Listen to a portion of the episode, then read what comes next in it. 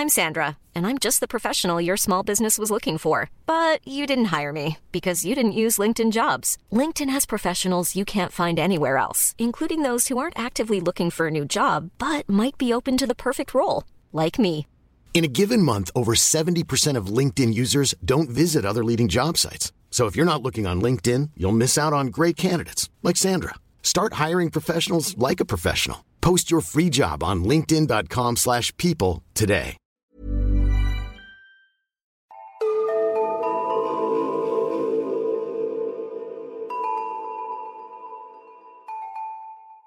Hej och välkomna till Nära ögat, en true crime-podd för mesar. Mitt namn är Alexandra Kensdottir Och jag heter Amelia Ingman.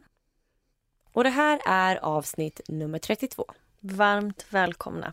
Kära mesar, ni vet hur mycket ni betyder för oss och hur mycket vi uppskattar att ni lyssnar. Och nu tänkte vi be er om en liten tjänst. Som ni vet så jobbar ju jag och Amelia heltid med våra jobb. Så allt jobb med podden är på våra helger, på kvällar, på lunchraster. Det absolut finaste vi vet det är när ni tipsar om oss. Vi vet att det finns fler mesar där ute. Hjälp oss hitta dem. Låt dem hitta hem. Ja! Och på tal om tips så kanske vi kan be om en andra tjänst också. Och det är att skicka in tips på fall om ni känner till några som ni vill att vi ska ta upp. Och det kan ju också vara alltså, fall som ni har hört om tidigare men som ni kanske vill att vi ska göra vår take på. Men det roligaste är ju såklart om det är ganska okända fall. Ja, såklart, det är alltid mest spännande när man kanske inte har hört fallet förr. Enklast är om ni bara skickar in till oss via DM på Instagram. Och där heter vi Nära ögat podd. Så skicka in. Sprid ordet till andra mesar om nära ögat. Som du sa Amelia, låt dem hitta hem. Ja. Och nu kickar vi igång avsnitt 32. Varsågod Assa. Idag ska jag berätta om Stella Liebeck. Och jag tror att många av er har hört en kort variant av den här historien. Men jag tror att många inte känner till vad som egentligen hände. Mina källor är dokumentären Hot Coffee från HBO, ett klipp från Kendall Ray på Youtube, artiklar från New York Times, Cased, Findlaw.com och Wikipedia. Så den vanliga historien som folk ofta känner till är att Stella Liebeck körde bil och drack kaffe från McDonalds samtidigt. Och att hon på något sätt spiller på sig själv och bränner sig. Därefter stämmer hon McDonalds för att deras kaffe var för varmt och vinner miljontals dollar. Och den här historien hörde jag själv när jag var yngre. Och många gånger tänkte man att ja, i USA så kan man minsann stämma vilket företag som helst och bli miljonär. Men riktigt så är inte fallet. Och nu tänkte jag dra den riktiga historien. Åh gud vad spännande. För jag har också hört talas om det här, eller den korta versionen då. Och precis som du säger, det blev ju verkligen en snackis, typ att vem som helst kan stämma vilket företag som helst i USA. Typ det var någon som hade kört husbil på autopilot, lämnat ratten och krockat. Och typ den typen av historier. Mm. Vi börjar från början. Stella Liebeck föddes 14 december 1912. Hennes föräldrar var från England, men de flyttade till USA och Stella växte upp eh, i New York City tillsammans med sina två systrar, Apple och Madeleine. Och tyvärr har jag inte hittat så mycket information om Stellas liv. Men jag vet att hon gifte sig med Henry Liebeck och att de fick tre barn. Nancy, Judy och Jim. Samt att hon arbetade större delen av sitt liv som butiksbiträde. 1991, när Stella var 78 år gammal, gick Henry bort. Och strax därefter pensionerade hon sig. Hon var väldigt, väldigt pigg för sin ålder och valde att flytta till Santa Fe för att vara närmare sina döttrar. Hon hade ett väldigt aktivt liv, hon körde bil, hon umgicks med familjen och var väldigt social och pigg. Den 27 februari 1992 hade Stellas son Jim varit och hälsat på några dagar. Och när hans vistelse var över så skulle Jim ta sig till flygplatsen. Stellas barnbarn Christopher erbjöd sig att eh, köra bilen och köra honom till flygplatsen tillsammans med Stella. Så Stella, Christopher och Jim åker tidigt till flygplatsen då Jim skulle med ett morgonplan. Och när de hade lämnat av Jim bestämde Stella och Christopher sig för att åka till närmsta McDonalds och käka frukost. De valde att ta drive-thrun och Christopher köper något frukostpaket och Stella nöjer sig med en kaffe. De får maten och kör lite längre bort och ställer sig på parkeringen. Christopher behövde ordna med frukosten innan han skulle köra och Stella skulle hälla i socker och mjölk i kaffet. Och detta var ju på 90-talet så att Christophers gamla Ford hade ingen kopphållare. Så Stella gör det naturliga och ställer kaffet mellan benen och håller fast muggen ja, med knäna. Och sen försöker hon öppna locket för att hälla i mjölken och sockret. Men när locket åker av så välter koppen. Och allt varmt kaffe hamnar på Stellas lår, rumpa och underliv. Hon skriker rakt ut och Kristoffer förstår inte riktigt vad det är som händer. Stella inser ganska snabbt att hon har bränt sig. Hon förstår inte riktigt hur illa det är. Smärtan är outhärdlig och hennes joggingbyxor är dränkta i det extremt varma kaffet. Hon drar av sig byxorna i panik för att bli av med värmen och smärtan. Men det fortsätter att göra extremt ont. Christopher hittar ett lakan i bilen och virar om det runt Stella och hjälper henne lägga sig i baksätet. Stella är nu nästan helt borta och yrar av smärta. Hon mår illa och skakar häftigt. Christopher kör till närmsta akutmottagning. Men väl där får de reda på att det varit en svår seriekrock och att väntetiden är mycket lång innan de ens kan ta emot någon annan. Men när han tittar på sin mormor förstår han hur ont hon har och att hon behöver hjälp direkt. Så han väljer därför att köra vidare till ett annat sjukhus, till Northside Presbyteria Hospital. Det tar ungefär 45 minuter från att olyckan sker till att hon får hjälp. Och när läkaren får se Stellas brännsår blir han helt chockad. Han kan inte tro att kaffe kunde göra så här stor skada. Såren var så pass allvarliga att man var tvungen att kalla in läkaren David Arredondo från brännskadeenheten.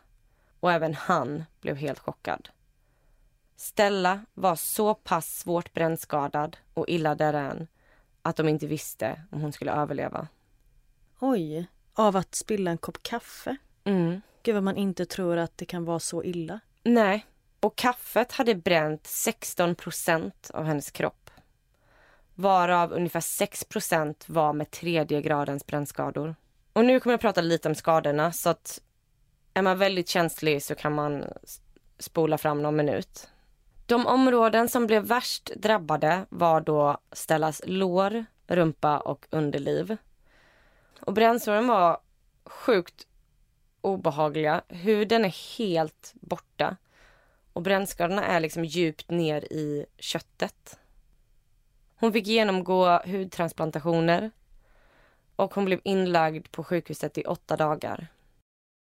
Under den här tiden förlorade hon nästan 10 kilo och vägde nu endast 37 kilo. Oj, det är ingenting. Det här var ju som sagt en 79-årig dam. Mm. Stackarn. Och efter detta så behövde hon vård dygnet runt i hemmet i tre veckor. Och det tog henne över två år innan hon var helt återställd och kunde röra sig ordentligt igen. Och även om Stella hade sjukvårdsförsäkring så blev hon ändå skyldig över 10 000 dollar för sin tid på sjukhuset. Och hennes dotter var tvungen att ta ledigt i över en månad från jobbet för att hjälpa sin mamma. Så hon förlorade lönekostnader på över 5 000 dollar. Och vi kommer inte att lägga ut bilder från skadorna. För jag tycker att de är för hemska.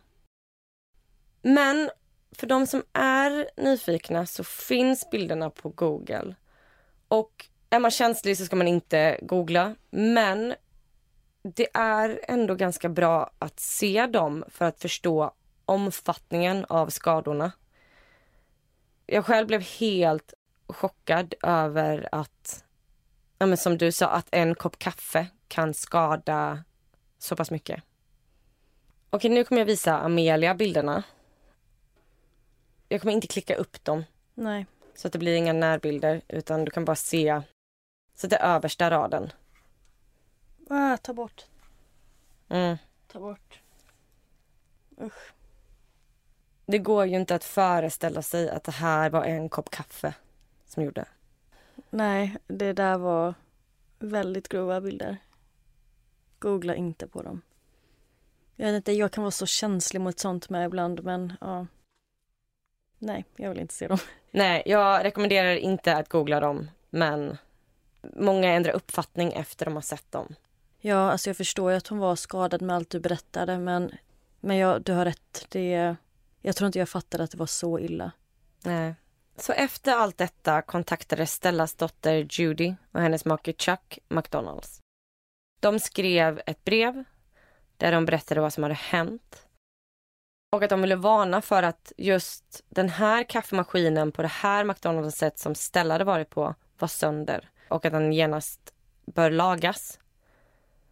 Och att om den inte är sönder så vill de uppmärksamma McDonalds på att temperaturen på deras kaffe är alldeles, alldeles för hög. Samtidigt så önskade de att McDonalds kunde kompensera Stellas sjukhuskostnader samt dotterns förlorade inkomst. Totalt en kostnad på ungefär 18 000 dollar. Det är ju väldigt mycket pengar för en privatperson men för McDonalds inte så mycket. Nej, verkligen inte. Men tänk vad som hade hänt om hon hade tagit en klunk. Mm. Nej, usch. Det vill man inte ens tänka på. Hela familjen blev otroligt överraskade när de fick svaret från McDonalds. McDonalds erbjöd 800 dollar i kompensation. Och det här täckte ju verkligen inte Stellas sjukhuskostnader. Och Stella ville inte stämma företaget. Hon hade ju aldrig någonsin stämt någon. Och kände att det här var väldigt stressigt. Men hon såg ingen annan väg ut. Så att nu kontaktade hon advokater som skulle hjälpa henne. Vid den här tiden så tjänade McDonalds ungefär 1,3 miljoner dollar per dag bara på att sälja kaffe. Så de här 800 dollarna i kompensation känns ju väldigt snålt. Och det är enligt mig. Men det är en förolämpning. Mm. Herregud. Stellas advokat Ken Wagner tog sig an fallet efter han sett bilderna på Stellas skador. Och de försökte först förlika med McDonalds utanför rätten. Och då var det att Stella skulle få 90 000 dollar. Men McDonalds vägrade. Så 8 augusti 1994 startar rättegången. Advokat Ken Wagner hade kommit över material som bevisade att Stellas kaffe inte var så varmt som det var utav misstag. Utan att McDonalds väl var medvetna om att de serverade alldeles för varmt kaffe. De hade till och med i sitt kontrakt med sina franchisetagare att de var tvungna att servera kaffet mellan 82 till 87 grader. Och i vanliga fall så dricker man kaffe mellan 55 och 60 grader. Wagner hittade även ett dokument från McDonalds med personer som hade kontaktat dem angående deras alldeles för varma kaffe. Och Stella var inte ensam. Utan under de senaste tio åren hade över 700 personer kontaktat McDonalds om brännskador som de fått av att dricka deras kaffe. Och vissa hade, precis som Stella, fått tredje gradens brännskador. Och under de här åren hade McDonalds kompenserat sina brännskadade kunder med totalt 500 000 dollar. Och det är ungefär 700 dollar var. Och i dokumentären Hot Coffee kan man se när Chris Appleton, McDonalds kvalitetssäkrande gruppchef, vittnar. Han får frågan om han blir förvånad över att det var 700 personer som kontaktat företaget om sina brännskador. Chris svarar att han inte är förvånad och att han var nöjd med att det inte var fler än så. Sen får han frågan vad som händer om man dricker kaffe som har den temperaturen, mellan 82 och 87 grader. Och då svarar han, ja det borde du verkligen inte göra, du kommer bränna dig. Men hur kan de sälja det då? Exakt. Och även om brännskador uppstod kontinuerligt så hade McDonalds ingen som helst intention att sänka temperaturen på kaffet. McDonalds representanter vittnade också om att deras kunder vill ha kaffet så varmt på grund av att de ofta köper det på väg till jobbet. Och då skulle kaffet ha den perfekta temperaturen när kunden kommer fram till jobbet. Men i McDonalds egna undersökningar så visar det sig att McDonalds kunder vill förtära kaffet direkt i bilen på väg till jobbet. Och att kunderna inte heller hade någon som helst aning om hur lång tid det tog för kaffet att svalna till en drickbar temperatur. Och McDonalds menade att det finns en varningstext på muggen om att kaffet kan vara för varmt. Men de erkände också att de flesta kunder nog förmodligen inte alls sett varningen. De menar också att deras kunder vet om att kaffet är varmt men inte så pass varmt att det kan ge tredje gradens brännskador. Så sjukt att de väljer att servera och sälja kaffe som de vet är potentiellt farligt. Ja, alltså förmodligen så tjänar de väl någon mer cent per kaffe såld om det håller sig varmare längre och det är så pass mycket pengar att det inte är värt att sänka temperaturen för. Allt handlar ju bara om pengar. Stellas läkare, Dr. David Arredondo, vittnade om att temperaturen som McDonalds hade på sitt kaffe kan ge tredje gradens brännskador på bara två sekunder. Men om de hade sänkt temperaturen till ungefär 65 grader så skulle risken för brännskador minskas drastiskt. Han berättar även att Stellas brännskador var några av de värsta han sett under hela sin karriär. Juryn uppfattade McDonalds som obrydda, att de ignorerade alla problem, att de inte alls brydde sig om kundernas säkerhet. Och efter överläggning så kom juryn fram till att det som skett var båda parters fel. Men att det var ungefär 20 procent Stellas egna fel som spillde kaffe över sig. Och att 80 procent var McDonalds fel som serverade orimligt varmt kaffe och som inte har några planer på att ändra det. Men återigen, tänk om hon hade druckit det. För då har hon ju gjort 0% fel. Då har hon tagit en klunk av en dryck som hon har köpt. Så att det låter ju bara som en löjlig ursäkt. Mm. Ja men verkligen. Alltså nu vart det också så himla omfattande i och med att det, hennes byxor liksom dränktes. Hon fick så pass stor mängd på sig. Om man tar en klunk kanske man får mindre mängd i munnen. Men uppenbarligen har de fått över 700 personer som har kontaktat dem. Tänk alla personer som har bränt sig, som inte har orkat skriva ett brev för på 90-talet till McDonalds. Nej, det har du ju rätt i. Så att förmodligen är ju mörkertalet gigantiskt. Juryn uppskattade sjukhuskostnaderna etc. till 200 000 dollar.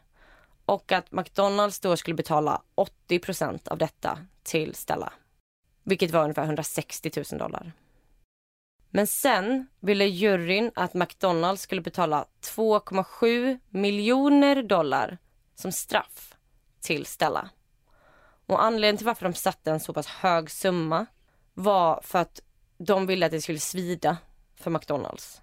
Och de räknar ut att 2,7 miljoner dollar är vad McDonalds tjänar på två dagars försäljning av kaffe. Domaren höll dock inte med och sänkte den summan till 480 000 dollar. Och den summan ville både McDonalds och Stella överklaga på.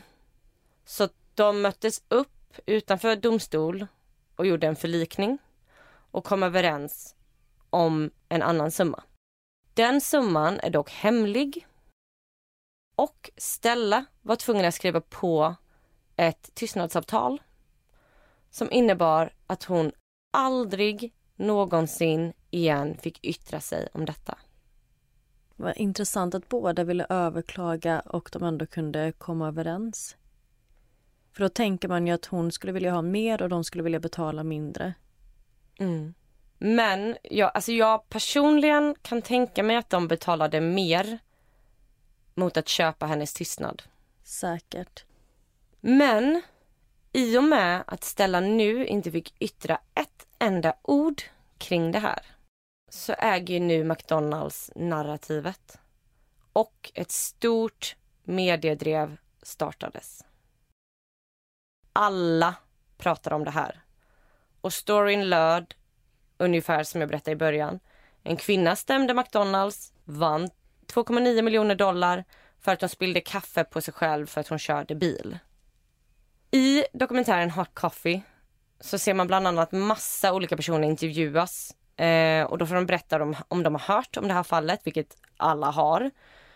Och deras reaktion över fallet är ofta att hon är girig. Om att det är sjukt att folk bara kan stämma företag sådär och att hon är en gold digger. Men sen när intervjuarna visar brännskadorna så ändrar ju samtliga sin åsikt. Och där får man även se, alltså i alla tidningar, i alla mediekanaler, alla så här talkshows så pratade folk om den här galna kvinnan som hade stämt McDonalds för hon brände sig på kaffe. Att hon vann 2,9 miljoner dollar. Stackars Stella. Mm. Alltså fallet slutar egentligen inte riktigt där utan i efterkälken av detta så blev det väldigt stora politiska diskussioner kring just stämningar i civil courts, det vill säga där enskilda människor eller medborgare kan stämma stora företag. Och jag kommer inte hinna gå in på några egentliga detaljer nu. Men kort förklarat så startades nu en gigantisk lobbyverksamhet där 300 av USAs största företag använde det här nya narrativet av McDonalds-fallet och drev på en politisk reform som skulle skydda de stora företagen från att bli stämda av de här galna inom situationstecken människorna som bara vill ha deras pengar. Och det var till och med så att flera stora tobaksföretag var ju inne och stöttade de här kampanjerna med extrema pengar. För att de i sin tur inte ville kunna bli stämda för att de var orsaken av att folk dog i lungcancer. Och hela det här efteråt är en väldigt, väldigt intressant eh, diskussion. Och om man vill veta mer eh, så rekommenderar jag att man kikar in dokumentären Hot Coffee av HBO. Som inte finns på HBO, men den finns på Youtube. Kika på den om ni vill veta mer och liksom följa den debatten och den diskussionen. Men det här var historien om vad som egentligen hände Stella Liebeck, kvinnan som stämde McDonalds. Så bra att du tog upp detta fallet. Få liksom en annan bild av den här, som du säger, så kända berättelsen och helt enkelt sanningen bakom den. Mm. För jag hade ingen aning om att det var så här och att hon var, som du sa innan, ointresserad av att stämma egentligen det handlade bara om att hon behövde få hjälp med att täcka sina liksom, sjukhuskostnader. Men ja, stackars Stella, hon blev ett offer både för brännskaran och för den här smutskastningen. Ja, Stella fick ju leva resten av livet med den här stämpeln att vara kvinnan som stämde McDonalds. Och alla, alla hade en förutfattad mening. För att på riktigt så spreds det lögner i media. Ja, det är så sjukt hur mycket man kan komma undan med om man har makt och pengar. Mm. De här gigantiska företagen, de var extremt duktiga på sin lobbyverksamhet och startade jättemycket så här medborgarrörelser som egentligen var fejk för det var inte medborgarna som startade det var de här stora företagen som drev frågan om att den lilla människan inte skulle kunna stämma de här stora företagen. Vi har gått runt hela vårt liv och typ trott att det var synd om McDonalds som förlorade pengar till den här kvinnan. Men alltså, nu när man tänker på det, nu när man vet, så är det ju sinnessjukt. Det är klart det inte är synd om McDonalds. No offense McDonalds. Men det är ju struntsummor för dem. Ja. Men det är, jag vet inte, det är så... Nej, men och sen ser man de här tv-klippen när folk skämtar om den här kvinnan som vann 2,9 miljoner dollar. Ett, den där summan är fel. Mm. Två, vi vet inte vad det blev för summa, men inte så hög kan jag säga. Och ingen vet historien, ingen har sett brännskadefotona. Nej, och sen tänker man också vem är det som tar här besluten på McDonalds? Vem kan leva med detta? Och varför envisas de med att tycka att det där extra sålda koppen kaffe är viktigare än kundernas säkerhet? Alltså, ja. Ja, och det finns ju massor av såna här historier. Um, I den här Hot Coffee kan man också se Ronald Reagan hålla ett tal kring just den här reformen som vi pratade om. Och då drar han historien om hur en man står i en telefonkiosk, blir påkörd av någon och att han stämmer telefonkioskbolaget. Och att då är det så ah, det är det världen har kommit till nu. Folk är galna och bara stämmer folk hit och dit. Men sanningen bakom det fallet, det var att ja, han stod i telefonkiosken, han ser bilen komma mot sig. Det är något fel på telefonkiosken så han kan inte komma ut. Försöker komma ut, kan inte. Blir påkörd. Och det visar sig att det här var inte första gången. Det var en extremt dåligt placerad telefonkiosk som har blivit påkörd flera gånger innan. De har lagat den men lagat den fel så han blev instängd där inne. Han blev av med benet, levde resten av sitt liv i svåra smärtor. Och eh, förmodligen skyhöga sjukhuskostnader det får man inte höra. Man får alltid bara höra den här förlöjligande, förminskande storyn som så här trycks upp i media så att alla vet om den. Och det är klart man hänger ju på bara, oj vad konstigt. Men det är så sant. Som jag sa i början, bilden av att i USA så kan vem som helst stämma vilket företag som helst för vad som helst och det mm. är så orättvist.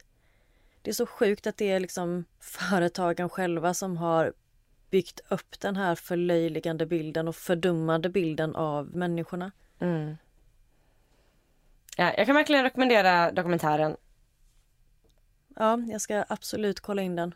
Och jag tycker fortfarande att McDonalds kaffe är för varmt. Mm. Jag med. Och om vi känner någon på McDonalds så vill vi gärna bli sponsrade. ja. Nu är vi ändå det. All publicitet är väl bra publicitet, eller vad säger ni? Dagens avsnitt är inte sponsrat av McDonalds. Nej, nu, nu vill jag lyssna på dig, Amelia. Hej, it's Danny Pellegrino from Everything Iconic. Ready to upgrade your style game without blowing your budget? Check out Quince. They've got all the good stuff, shirts and polos, activewear and fine leather goods, all at 50 to 80% less than other high-end brands. And the best part? They're all about safe, ethical, and responsible manufacturing. Get that luxury vibe without the luxury price tag. Hit up quince.com slash upgrade for free shipping and 365 day returns on your next order. That's quince.com slash upgrade. How would you like to look five years younger? In a clinical study, people that had volume added with Juvederm Voluma XC in the cheeks perceived themselves as looking five years younger at six months after treatment Look younger, feel like you. Add volume for lift and contour in the cheeks with Juvederm Voluma XC. Reverse signs of aging by adding volume to smooth laugh lines with Juvederm Volure XC. For important safety information and to find a licensed specialist, visit juvederm.com. That's J U V E D E R M.com. Not for people with severe allergic reactions, allergies to lidocaine, or the proteins used in Juvederm. Common side effects include injection site redness, swelling, pain, tenderness, firmness, lumps, bumps, bruising, discoloration, or itching. There's a risk of unintentional injection into a blood vessel, which can cause vision abnormalities, blindness, stroke, temporary scabs, or scarring. Talk to a licensed specialist to find out if it's right for you.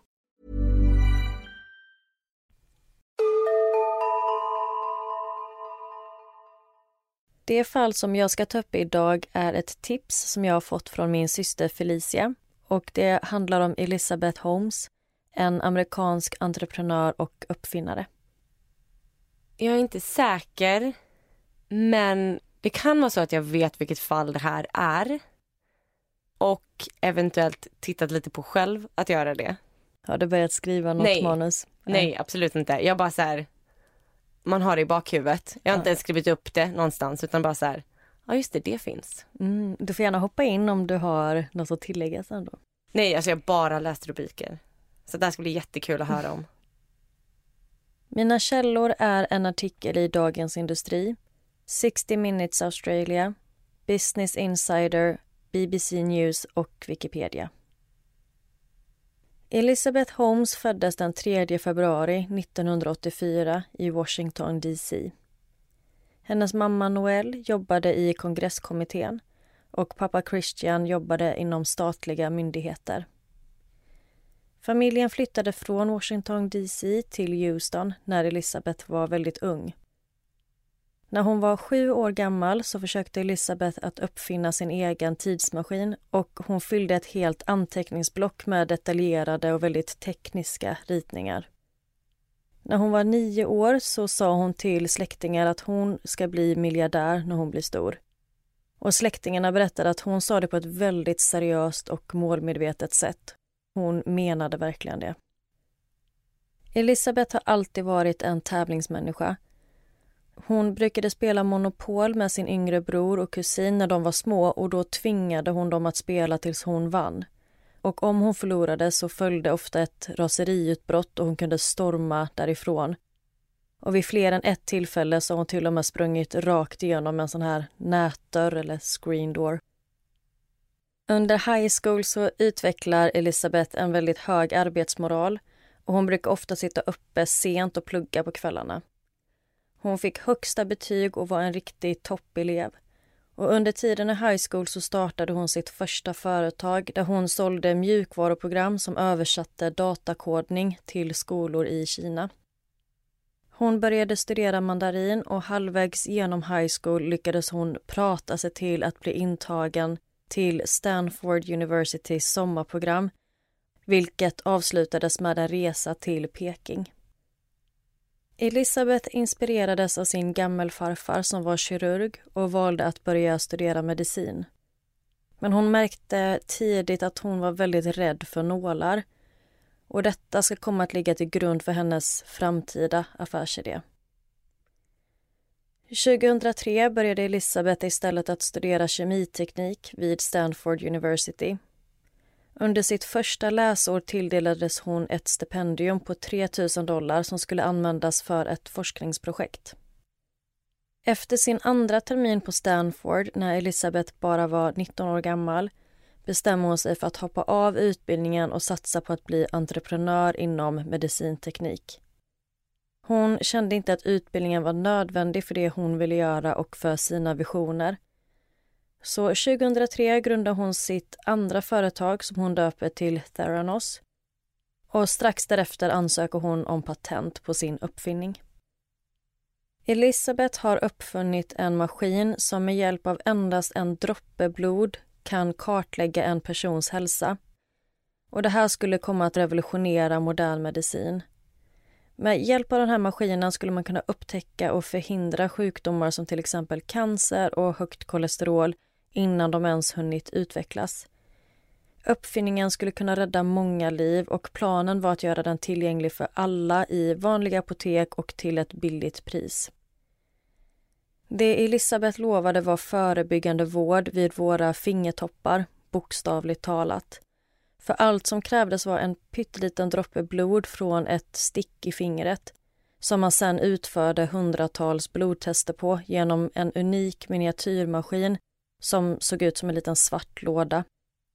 Den gav snabba, pålitliga och ekonomiskt prisvärda resultat.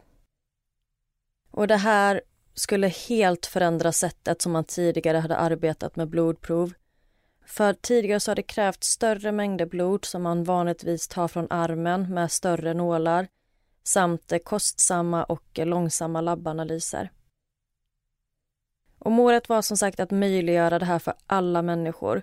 Att alla ska ha möjligheten att göra blodprov så ofta som en gång i månaden för att då kunna bygga upp sin personliga hälsoprofil och upptäcka och förhindra sjukdomar. För Elisabeth menar att det här är en mänsklig rättighet. Att ha möjligheten att ta del av den här typen av information gällande sin egen kropp och hälsa, vilket kan förändra ens liv.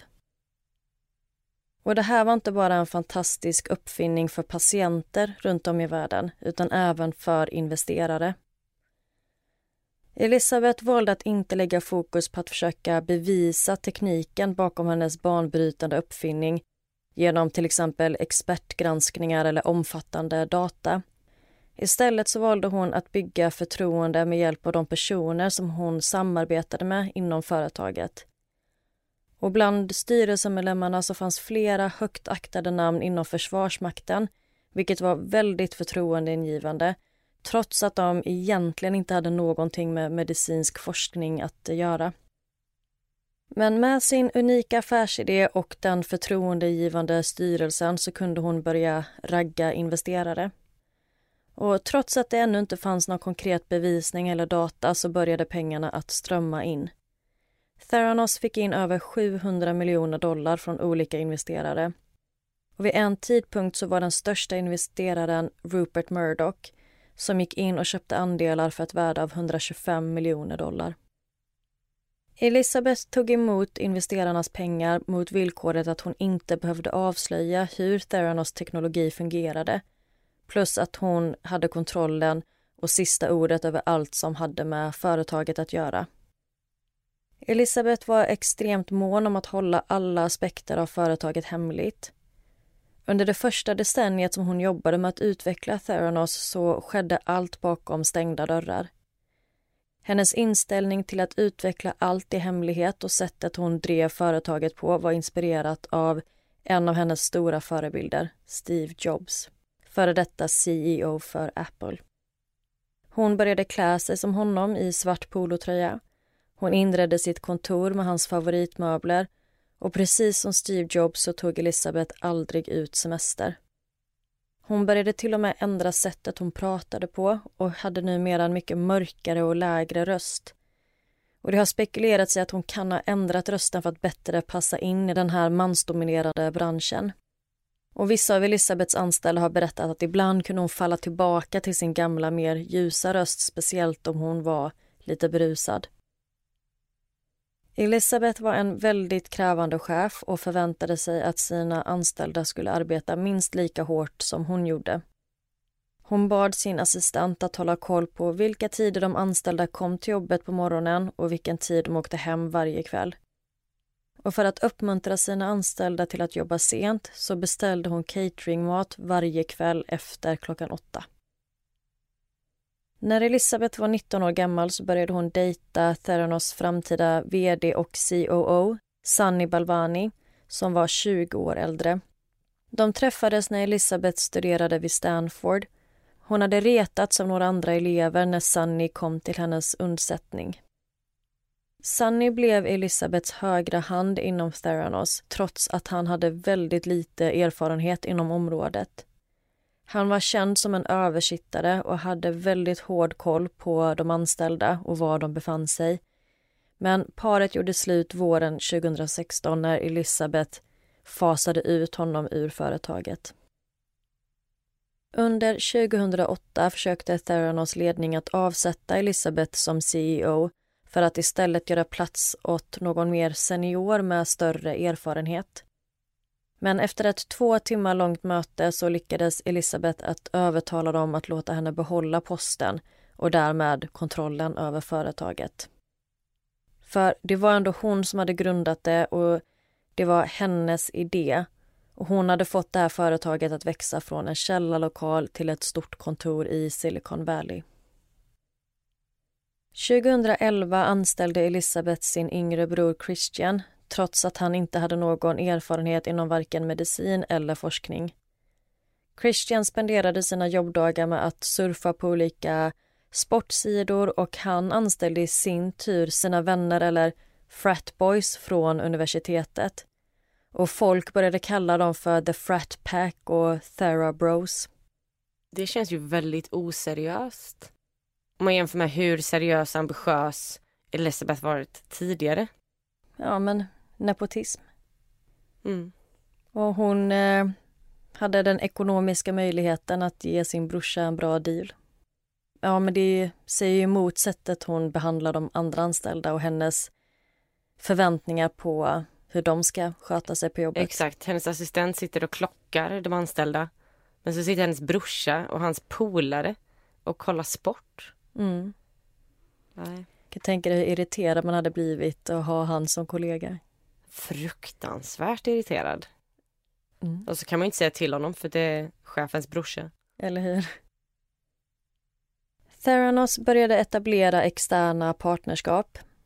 Capital Blue Cross och Cleveland Clinic gick in i avtal som innebar att de kommer erbjuda sina patienter Theranos test. Och Walgreens, en stor apotekskedja i USA, avtalade att öppna Theranos testcenter i sina butiker där de erbjuder sina kunder snabba och enkla blodprov till ett lågt pris och provresultat inom endast fyra timmar. Theranos bildade också hemligt partnerskap med Safeway värt 350 miljoner dollar. Forbes Magazine hyllade Elizabeth som världens yngsta icke-arvtagerska miljardär med ett nettovärde på cirka 4,5 miljarder dollar. Och 2014 rankade de henne som nummer 110 på Forbes 400-lista. Theranos värderades då till 9 miljarder amerikanska dollar och i slutet av 2014 hade hon 18 amerikanska patent och 66 icke-amerikanska patent i sitt namn. Allt eftersom Theranos fick in mer och mer finansiering så började media uppmärksamma Elizabeth och hon hyllades inom techvärlden. Hon hamnade på omslaget av Fortune, gav TED-talks, pratade i paneler tillsammans med Bill Clinton och Jack Ma, grundaren av Alibaba. Hon började gå på kändisfester, minglade med A-list skådisar och var med i massvis med intervjuer och blev en stjärna, helt enkelt. Hon var en ung kvinnlig entreprenör som väldigt många såg upp till och hon stack verkligen ut i den här mansdominerade techbranschen. Och Elisabeth var ju ganska strikt i sättet hon drev sitt företag och hon var även helt besatt av säkerheten på Theranos. Hon krävde att alla som besökte huvudkontoret var tvungna att skriva på sekretessavtal innan de släpptes in i byggnaden. Och hon hade vakter som eskorterade besökarna överallt, till och med om de behövde gå till toaletten. Elisabeth anlitade livvakter som körde runt henne i en svart Audi och fönstren i hennes kontor var av skottsäkert glas. Under 2014 så började frågor gällande Theranos teknologi att dyka upp. Ian Gibson, chefsforskare på Theranos och en av företagets första anställda, varnade Elisabeth om att testerna inte var redo för lansering och att teknologin var bristfällig. Även forskare utanför företaget som har följt Theranos resa i medierna började uttala oro gällande deras teknologi. Rykten om Theranos ofullständiga tester och den bristfälliga teknologin började spridas. I augusti 2015 inledde USAs livsmedel och läkemedelsmyndighet en utredning av företaget och de upptäckte stora felaktigheter i de testerna som Theranos gjorde på sina patienter. Och I oktober 2015 publicerades en artikel i The Wall Street Journal av den grävande journalisten John Carrero som undersökt Theranos. Och den här utredningen ska bli början på slutet för Theranos. Journalisten John började titta närmare på Elisabeths historia under 2015 efter ett tips från en skeptisk patolog, alltså en specialistläkare på diagnostik av sjukdomar.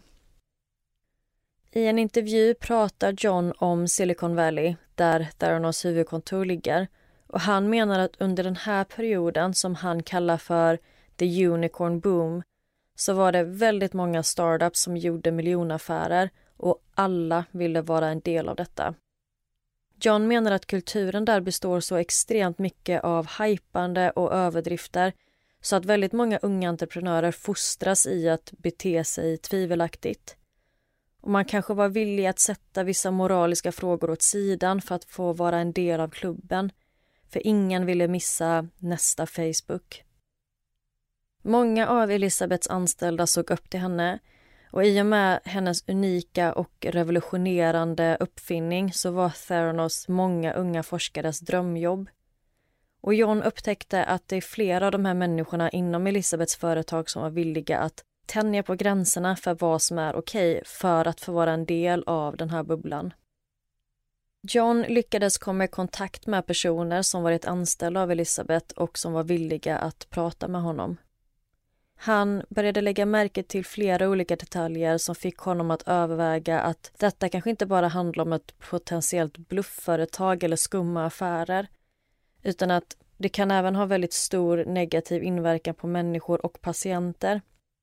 Och han förstod att han hade hittat ett stort skop.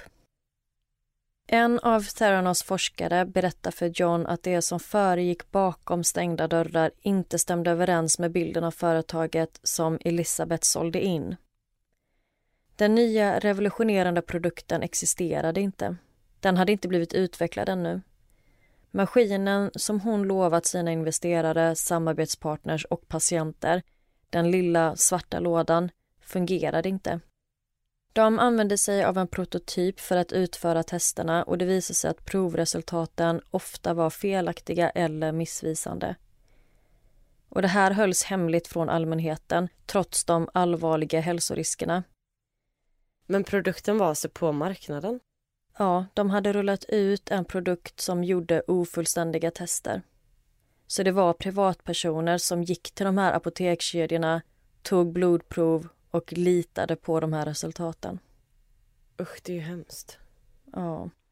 Det är ju värre än att de inte vet det alls. Att de får en falsk trygghet. Precis. Och eventuellt också felmedicinering. Mm. Forskaren som John talat med kände att hon var tvungen att berätta att de hade rullat ut de här prototyperna av maskinerna som inte kunde leverera rätt resultat och att de måste sätta stopp för det här.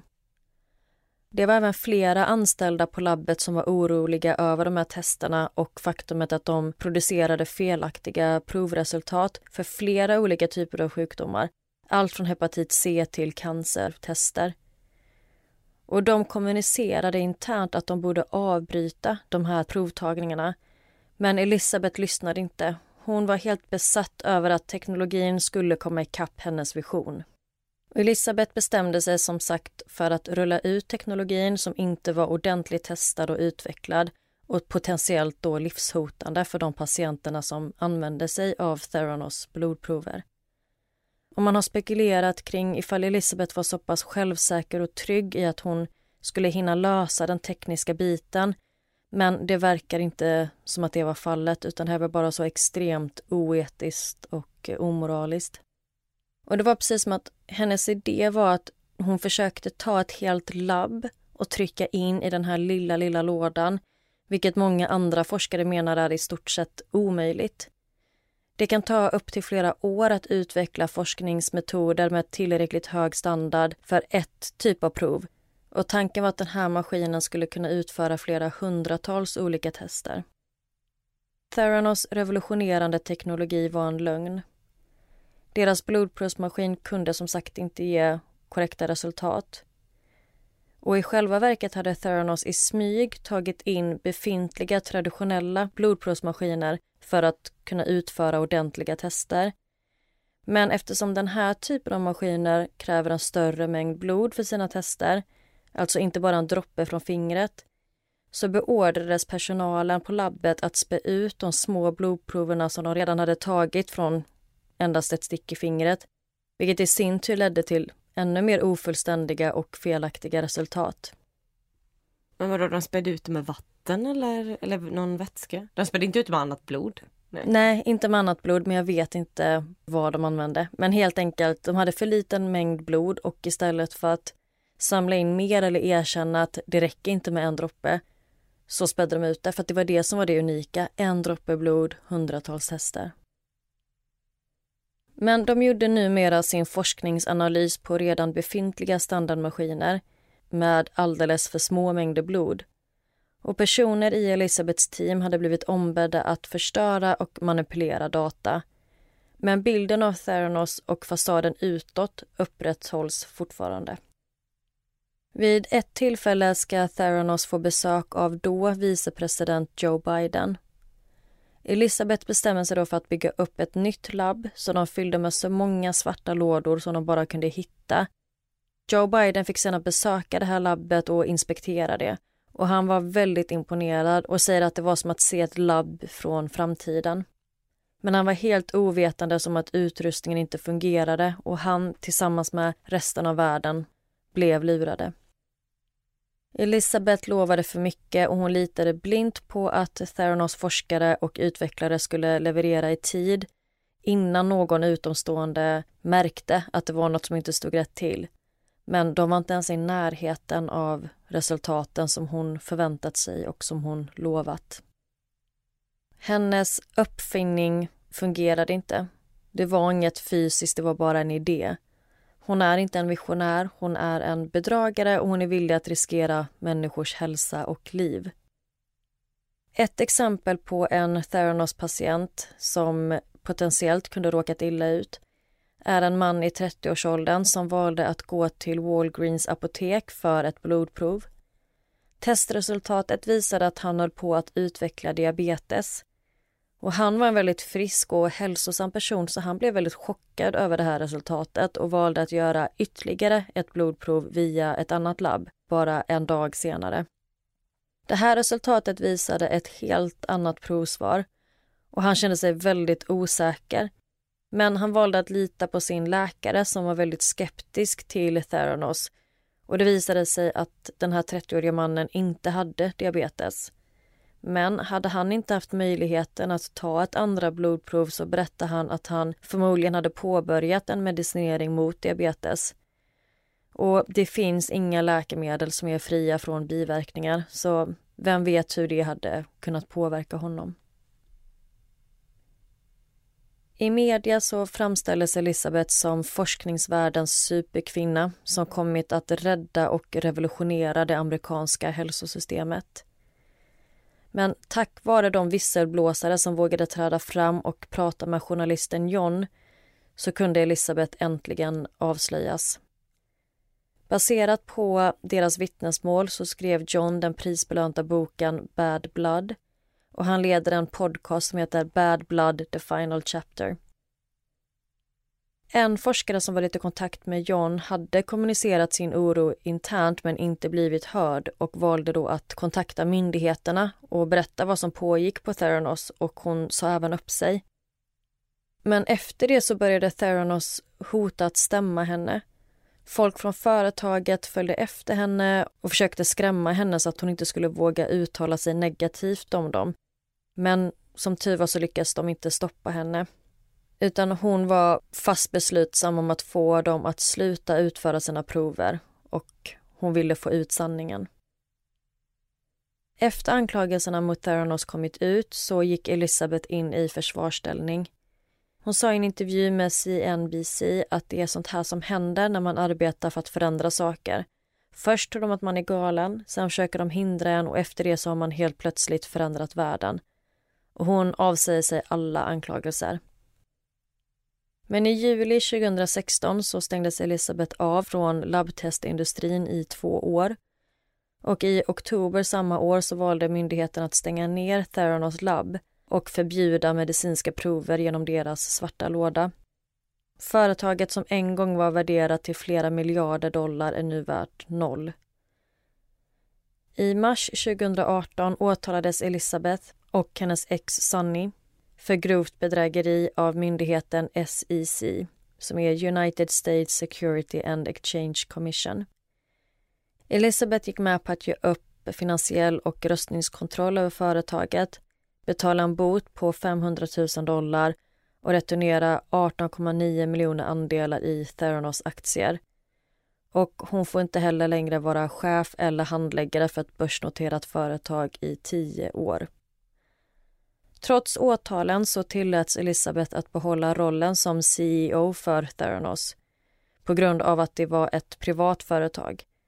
Men företaget håller på att gå under så Elisabeth börjar höra av sig till investerare igen och ber om mer pengar för att kunna rädda Theranos. Men i juni 2018 så meddelade Theranos att Elisabeth slutar som CEO och senare samma dag så meddelade justitiedepartementet att Elisabeth tillsammans med sitt ex Sunny åtalas för nio fall av bedrägeri och två fall av konspiration till att begå nätbedrägeri. Utöver de här brottsmålen så stäms även Elisabeth av tidigare Theranos-patienter över felaktiga blodprover. I september 2019 stängde Theranos ner och i samma veva så sågs Elisabeth tillsammans med William Evans, en 27-årig arvinge till ett eh, förvaltningsföretag. Och det dröjde inte länge innan paret började posta kärleksförklaringar till varandra på sociala medier. Och det var väldigt många som tyckte att det var lite undligt att hon kunde se så lycklig och obrydd ut online trots att hon hade alla de här åtalspunkterna mot sig. Och rättegången hade inte ens börjat. För rättegången har skjutits fram flera gånger. Först på grund av covid-19 och sen på grund av att hon var gravid och hon fick sitt första barn i juli i år tillsammans med den här arvtagaren. Jaha, så hon fick sitt första barn nu med honom? Ja, så att hon träffade honom efter hon blivit tilldelad de här åtalspunkterna och hon fick barnet innan rättegången har kommit Ah. igång ens. Och rättegången inleddes nu i augusti och förväntas ta 13 veckor. Och om hon fälls så riskerar hon upp till 20 års fängelse och böter på mer än 2,7 miljoner dollar. Och det var berättelsen om Elizabeth Holmes och vi får helt enkelt vänta och se vad som kommer hända henne. Oj, vad spännande. Ja, det är nästan imponerande hur långt Elizabeth kunde ta det här bluffföretaget. Alltså hon blev miljardär på en tom idé. Men det hemska är att hon inte bara ljög för affärspartners och spelade med investerares pengar utan hon spelade även med människors liv. Någonstans så tänker jag ändå att den här idén från början måste ha varit en genuin idé som hon faktiskt trott jättemycket på. Ja men det är ju en fantastisk idé. Hade den funkat så hade det ju varit revolutionerande. Då hade hon ju varit ett geni och det hade ju varit fantastiskt för så många. Men det känns bara så här som att med alla framgångar så gick det henne åt huvudet och att hon inte förstod när hon skulle backa. Hon fattade inte när hon skulle stanna.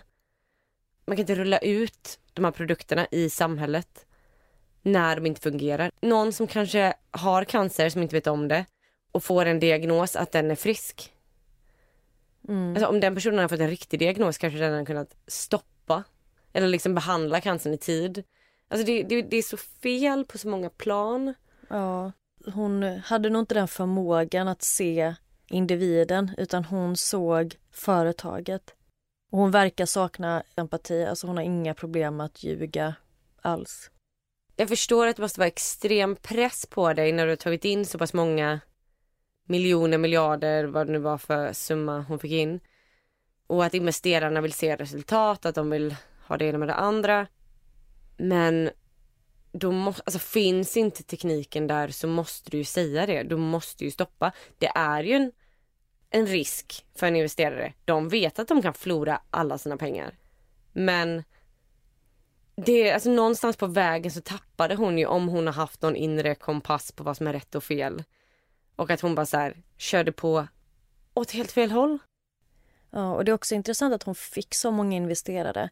För visst, hon höll teknologin hemlig. Men det är också upp till dem att kanske göra lite research och se att det de investerar sina pengar i är en legitim idé, att det är någonting som faktiskt fungerar.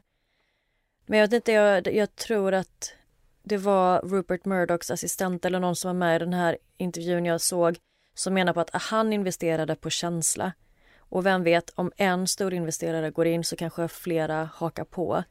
Exakt, och som du sa innan, alltså ingen vill ju missa nästa Facebook. Nej. Jag kan ju bli multimiljardär om jag investerar det här. Och det har även varit mycket kommentarer från andra forskare som menar på att det har varit väldigt frustrerande för dem att följa Elisabeths resa i media. För många av dem använder metaforen kejsarens nya kläder. Alltså att så många bara kunde dras med och köpa Theranos story trots att det var så uppenbart för dem att Theranos hade fel. Att det var helt enkelt för bra för att vara sant. Den här maskinen är inte möjlig. Man kan inte få den typen av resultat på sättet som hon lovar. Det är ju extremt trist att typ den enda kvinnan man hör talas om i Silicon Valley som driver ett gigantiskt bolag gör det här. Tänk på oss andra, Elisabeth. Ja, Du får oss att se dåliga ut.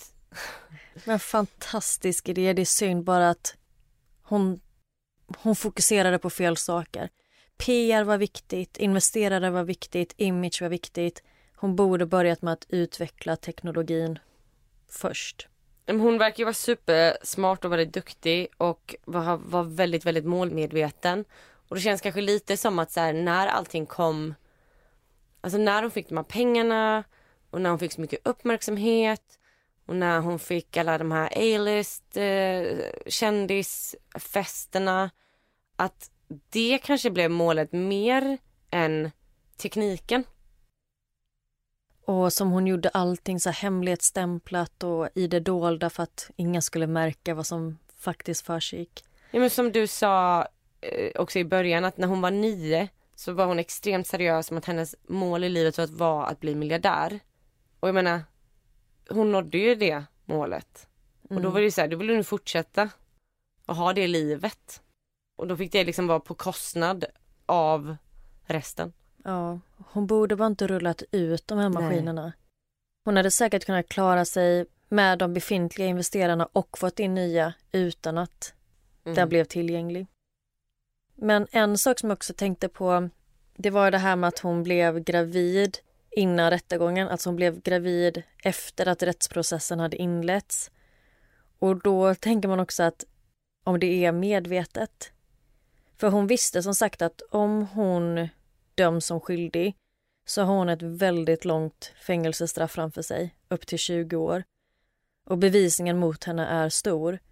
Så då kan man ju ifrågasätta tajmingen. Kan det vara så att hon planerade den här graviditeten för att väcka sympati bland juryn?